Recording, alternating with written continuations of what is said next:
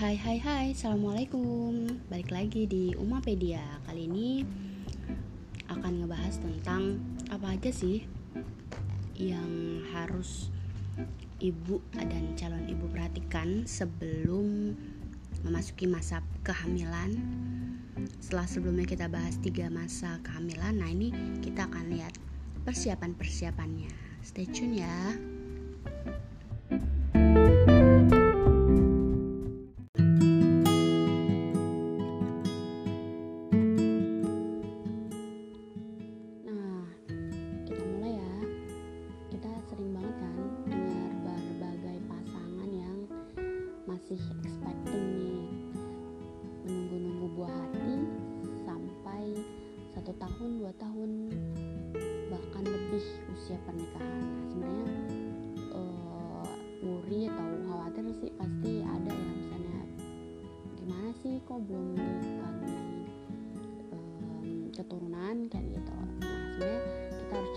dulu ketika kondisinya memang memungkinkan atau tidak untuk mengalami kehamilan. Jadi di sini kita, uh, calon ibu bisa menemui uh, ginekologis ya ke SPOG-nya untuk dites berbagai tes sebenarnya untuk melihat apakah calon ibu ini siap atau tidak untuk mengalami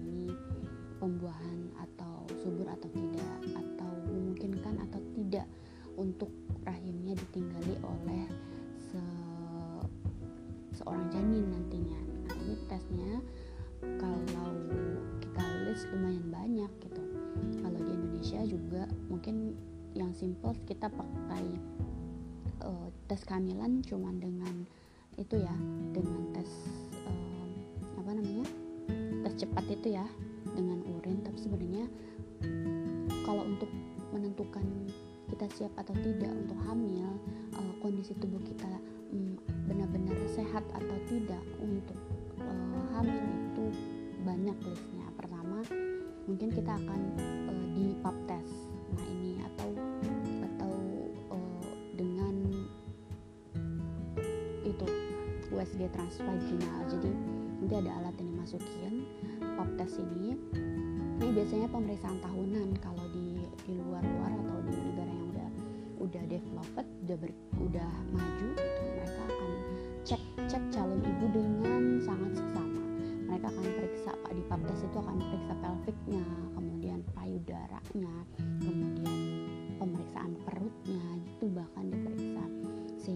kita bisa melihat eh, keadaan tubuh si calon ibu ini dengan lebih komprehensif. Kemudian eh, juga dilakukan screening untuk eh, untuk follow up eh, apa namanya status kesuburan atau kehamilan ibu.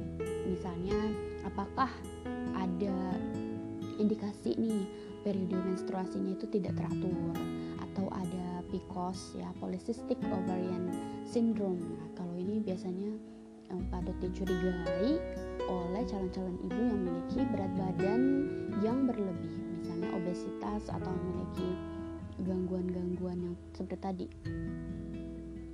Um, periodenya tidak teratur dan seterusnya. Nanti harus diperiksa dulu ini indikasi ada PCOS-nya kemudian akan di, dilihat apakah ada uh, vibrasi pada pada dinding rahim apakah ada luka sehingga kalau kalau luka kan ibaratnya rahim nggak bisa ditinggali sama calon calon janin yang akan yang yang dibuahi nantinya. Kemudian apakah ada kista kemudian apakah ada tumor yang membesar ya tumor bukan tumor ganas ya tumor benigna benigna itu tumor yang membesar aja tidak mengganas gitu. Atau ada indikasi endometriosis kemudian atau PID ya pelvic inflammatory disease gitu. Jadi bukan di rahimnya tapi di pelvicnya jadi di panggulnya ada ada gejala inflamasi. Kemudian apakah ada infeksi di salur, saluran berkemihnya ya di, atau di singkatnya apakah ada ISK gitu. Dan ini harus dicek semuanya sebelum uh, program hamil lah atau untuk menyiapkan kehamilan untuk memastikan uh, dan ini perlu uh, peran dari um, objin ah ginekolog ya gitu. Karena um, mereka akan melakukan pemeriksaan lebih lebih lengkap. Kemudian akan dites juga berat badan. Kenapa? Karena berat badan ini juga menentukan uh, kesuburan dalam artian ketika berat badan berlebih itu ada konsekuensi kesehatannya. Begitu juga berat badan yang BMI-nya atau IMT-nya indeks massa tubuhnya di bawah normal itu ada ada uh, risiko-risiko kesehatan. Kemudian di tes urin ya tes urin ini nanti terutama untuk melihat infeksi di saluran kemih kemudian apakah ada penyakit ginjal penyertanya dan seterusnya. Kemudian tes darah tes darah ini kalau di medical check up bisa cek lengan lengkap ya. Misalnya e, tipe darahnya apa kemudian nanti e, kemungkinan-kemungkinan e, apa namanya hemoglobin hematokrit kemudian. Dan ini nanti akan dicek juga sebagai baseline-nya ketika hamil kemudian dites juga apakah calon ibu atau ibu ini anemia atau tidak. Karena e, ketika calon ibu ini memiliki status e, kekurangan zat besi nah cadangannya ini kan nanti treatmentnya ketika hamil pun beda gitu akan butuh butuh suplementasi zat besi dan seterusnya. Kemudian dicek level vitamin D-nya sejauh mana kalau ada defisiensi atau kekurangan vitamin D itu biasanya direkomendasikan untuk dapat suplemen. Kemudian di tes darah tadi juga akan di tes resusnya ya RH faktornya dilihat apakah positif atau negatif. Kalau positif eh, mungkin tidak perlu cemas tapi kalau negatif nah ini harus diperiksa. Pasangannya juga nggak calon ibunya tapi calon ayahnya juga diperiksa. Kenapa? Karena kalau resus negatif ini kemungkinan ibu akan mengembangkan sebuah antibodi uh, di dalam darahnya. Sehingga ketika pembuahan terjadi itu dianggap bukan bukan calon janin gitu ya tapi uh, bukan sesuatu yang patut untuk dipertahankan tetapi malah diserang di apa ya dihancurkan oleh resusnya kayak gitu. Jadi penting untuk melihat uh, resusnya. Kemudian kalau di pemeriksaan yang lengkap akan dicek juga uh, apakah ada si ibu ini punya penyakit rubella dan seterusnya yang mengancam nanti kalau proses kehamilan apakah tuberkulosis atau TBC karena perlu ini um, nanti prosesnya lebih kalau ada penyakit infeksi berat seperti TBC eh, proses kehamilan ibu harus lebih hati-hati misalnya. Terus kemudian ada apakah ada hepatitis B kemudian apakah punya punya uh, tokso, to, tokso ya sakit toksoplasmosis gitu yang disebabkan oleh uh, ini kucing ya di kucing itu biasanya. Uh, kemudian apakah uh, diperiksa juga apakah punya uh, sexually transmitted disease apakah punya penyakit menular seksual kemudian uh, dilihat juga track record uh, medikasinya atau rekam medisnya gimana. Nah setelah melihat hal itu nanti ini akan dipertimbangkan lah uh, mungkin nggak dalam waktu dekat melakukan program kehamilan atau siap tidak tubuh si ibu misalnya uh, apa namanya mengalami pembuahan. Kalau ada indikasi-indikasi medis yang terkait tadi pemeriksaan tadi, biasanya dokter akan menyarankan untuk diselesaikan dulu gitu masalahnya misalnya terutama yang urgent harus diselesaikan ya atau jika pem, apa namanya kehamilan di, terus dilanjutkan nanti akan makin berat gak ya? Makin sulit gak ya janin berkembang nah ini risiko-risikonya akan di akan di uh, pertimbangkan oleh uh, ibu dan dokternya gitu. Kemudian jadi sebelum sebelum apa namanya sebelum hamil nah itu tuh harus banyak tes yang dilakukan. Kalau memungkinkan dan mempersiapkan dengan seksama perlu juga tes menemui dokter. Kemudian apa saja yang diperhatikan terkait gizinya? Nah tadi kan udah disebutin berat badan juga penting. Nah ini kalau kita telisik lagi dari segi gizinya itu berat badan gak cuma uh, mengenai indeks massa tubuh tapi di sini indeks uh, juga kita akan melihat bagaimana lemak tubuh kemudian hormonnya gitu kemudian kita akan lihat apakah ibu mengalami kegemukan atau kekurangan defisiensi zat gizi kemudian nanti kalau ada PCOS tadi ya kemudian risiko risiko-risiko dari berat badan juga bisa dilihat misalkan apakah ibu memiliki kemungkinan nanti diabetes karena nanti ada diabetes gestasional ya misalnya ketika ibu ada kecenderungan sebelum hamil itu uh, gula darahnya tinggi bisa jadi ketika hamil nanti akan uh, diabetes tipe 2 atau diabetes um, apa namanya gestasional ya ketika hamil gitu. Dan kalau kurang nah itu juga akan berpengaruh pada sediaan uh, nanti cadangan uh, gizi untuk ibu dan bayi gitu. Kita lihat ke pertama ya misalnya di sini kita mulai pertama tadi uh, lemak tubuh dan hormon. Nah terutama karena kita perempuan itu kan uh, kita tahu ya um, kita lebih banyak tubuh kita lebih banyak mengandung lemak tubuh dibanding dengan laki-laki. Kalau laki-laki lebih banyak otot gitu.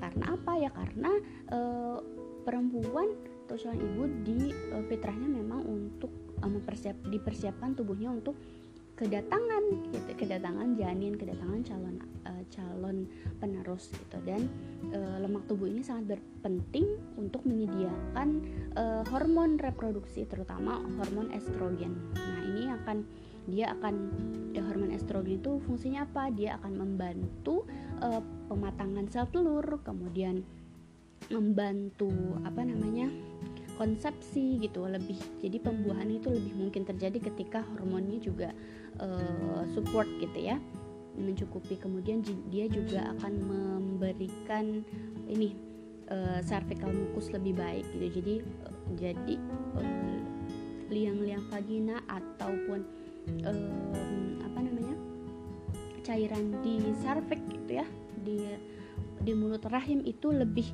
lebih licin sehingga nanti proses pembuahan lebih mungkin terjadi. Inilah e, mengapa e, sangat penting nih lemak tubuh dan sediaan hormon dalam tubuh harus dicek dulu gitu karena kita e, 30% dari estrogen yang yang dibutuhkan itu e, dibuatnya dari sel lemak gitu. Jadi benar gitu kita harus mempersiapkan diri jauh. Jadi nggak ujuk-ujuk pengen hamil uh, atau ingin kehamilannya sehat tapi tidak melihat persiapan yang matang. Kemudian um, kebanyakan apa ya kebanyakan yang mengalami tadi misalnya periodenya tidak tidak teratur ya menstruasinya kemungkinan ada permasalahan ketidakseimbangan lemak tubuh atau hormonnya. Di sini biasanya pemeriksaan lebih lanjut akan diperlukan. Kemudian apalagi ya?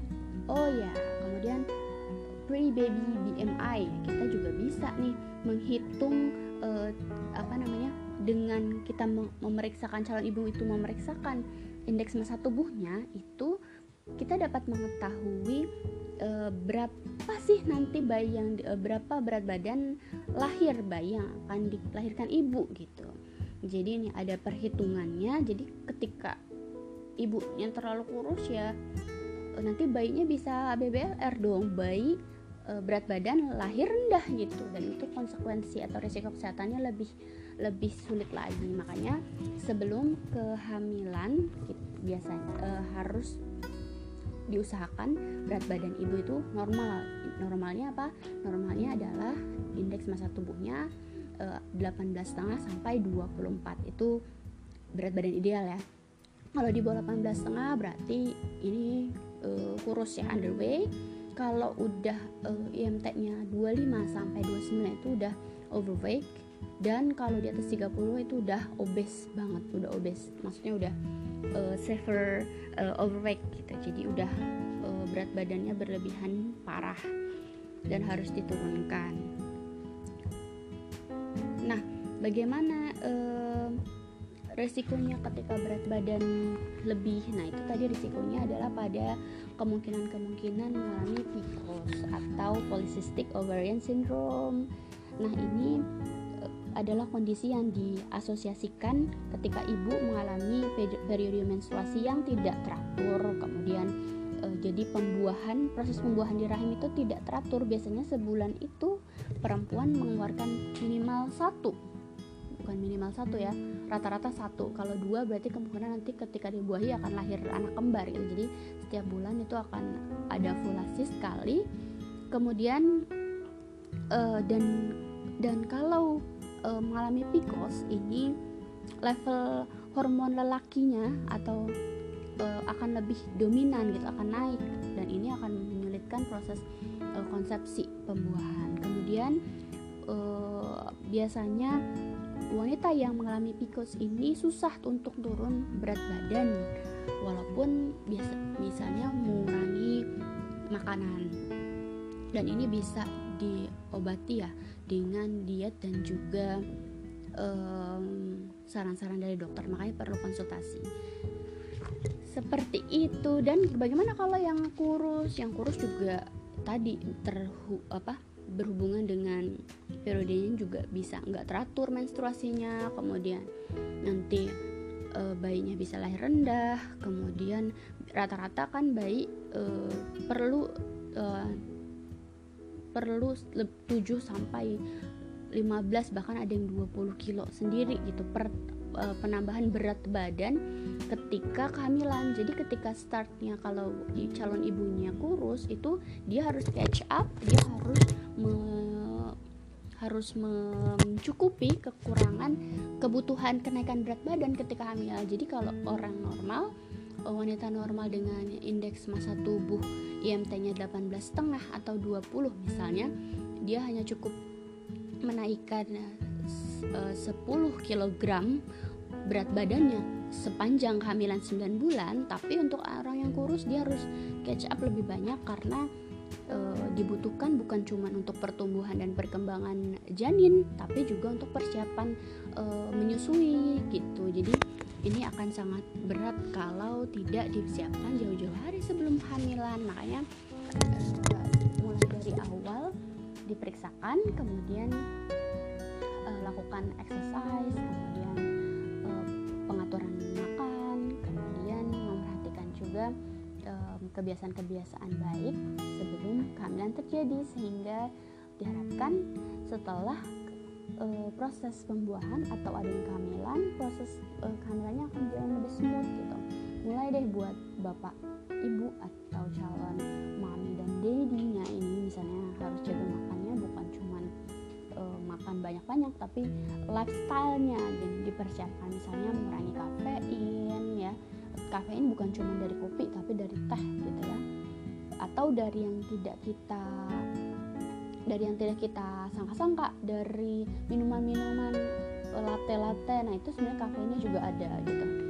Kemudian kita e, minum juga harus cukup cairannya karena nanti kenapa cairan e, dibiasakan harus cukup cairan? Karena cairan selain uh, untuk um, perkembangan jaringan nanti nanti cairan juga digunakan untuk ini e, cairan ketuban kan cairan ya. Jadi kalau ibu kekurangan cairan nanti ketubannya kemudian e, kesehatan bayi juga terganggu. Kemudian untuk ibu dan e, ayahnya ini e, harus e, quit smoke gitu. Jadi harus keluar deh e, apa jauh-jauh kebiasaan merokok udah harus dikurangi.